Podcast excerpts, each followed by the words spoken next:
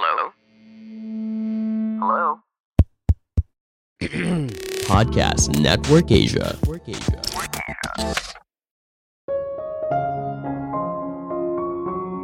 Berpikir itu hal yang sulit, makanya tidak banyak yang melakukannya. Halo semuanya, nama saya Michael. Selamat datang di podcast saya, Sikutu Buku. Kali ini saya akan bahas buku How Successful People Think karya John C. Maxwell. Sebelum kita mulai, buat kalian yang mau support podcast ini agar terus berkarya, caranya gampang banget. Kalian cukup klik follow.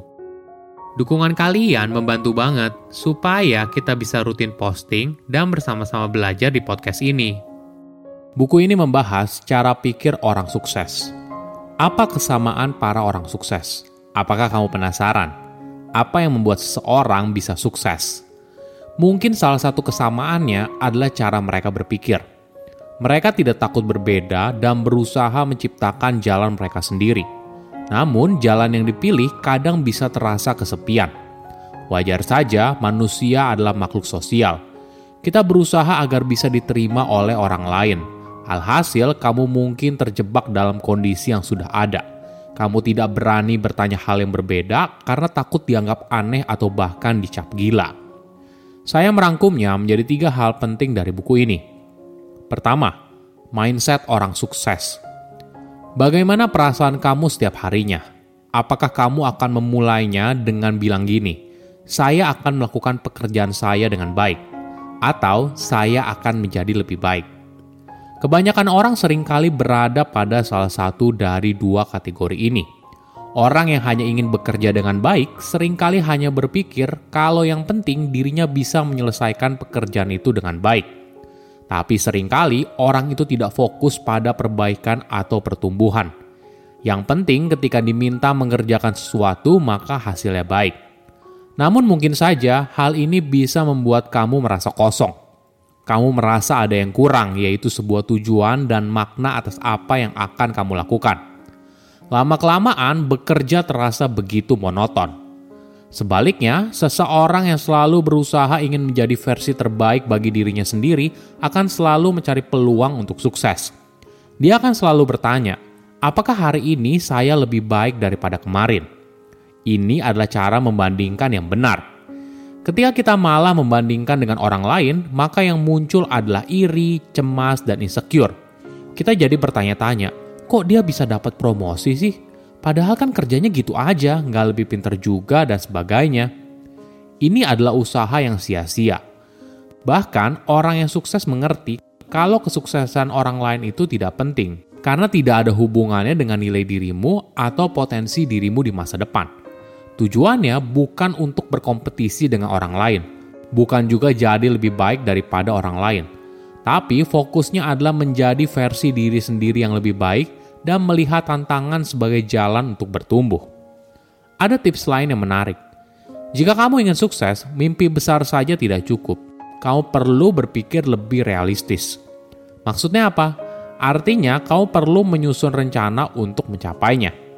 Contohnya gini, seorang pengusaha yang tidak punya mindset yang realistis akan terjebak pada harapan dan pikiran positif atas masa depan perusahaannya. Tentu saja, ini merupakan perilaku yang baik tapi jika dia tidak mulai menyusun strategi yang tepat, maka semua itu hanya berakhir di mimpi saja. Tujuan berpikir realistis adalah untuk menjadi pemimpin yang baik. Tidak lagi bicara sesuatu yang ada di awang-awang, tapi mulai bicara hal yang membumi, apa yang bisa dikerjakan untuk meraih kesuksesan.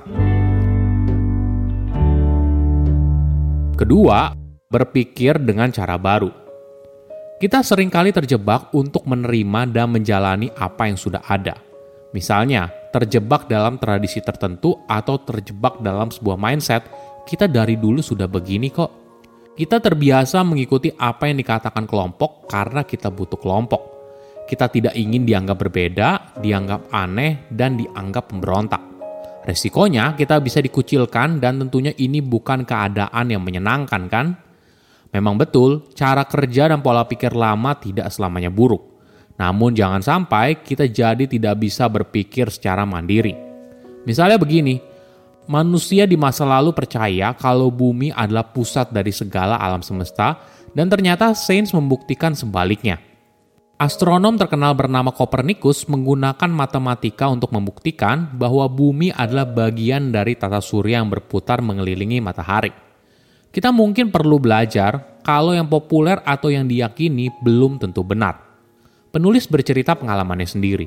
Setelah serangan 9-11 di New York, banyak orang takut dan menghindari pergi ke New York. Tapi penulis justru melakukan hal sebaliknya – dia merasa kalau itu adalah waktu yang tepat untuk jalan-jalan ke New York.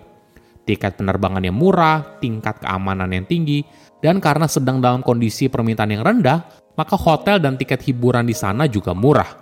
Jadi, penulis dan keluarga justru mendapatkan pengalaman yang menyenangkan, dan tentunya menghemat banyak uang karena tidak mengikuti pemikiran kebanyakan orang. Ada sebuah tips yang menarik – tidak peduli apa tujuanmu atau industri tempat kamu bekerja, berpikir out of the box penting untuk perkembangan pribadi. Tapi hal ini memang tidak mudah karena kita sudah menghabiskan 18 tahun hidup kita untuk menyesuaikan dengan lingkungan.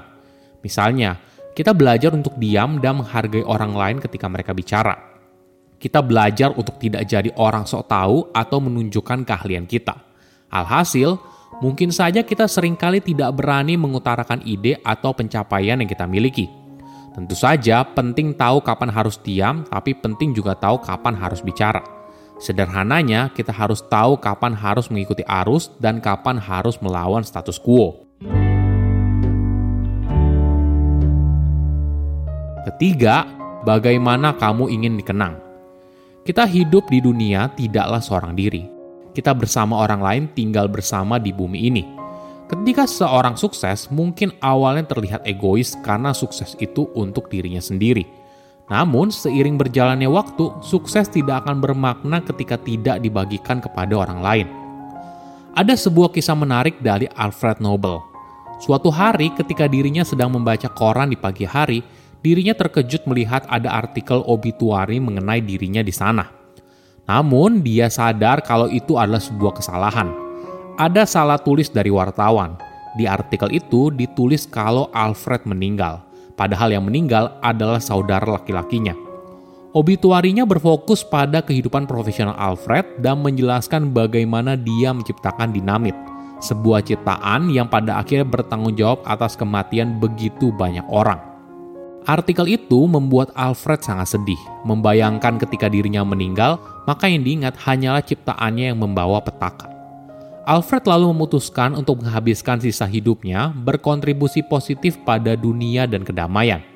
Pada tahun 1895, Alfred Nobel menandatangani surat wasiat yang menjelaskan kalau dirinya akan mendonasikan porsi terbesar dari kekayaannya untuk serangkaian hadiah di bidang fisika, kimia, fisiologi atau kedokteran, sastra, dan perdamaian. Inilah yang di kemudian hari dikenal sebagai hadiah Nobel. Silahkan komen di kolom komentar pelajaran apa yang kalian dapat ketika baca buku ini. Selain itu, komen juga mau buku apa lagi yang saya review di video berikutnya. Saya undur diri, jangan lupa follow podcast Sikutu Buku. Bye-bye.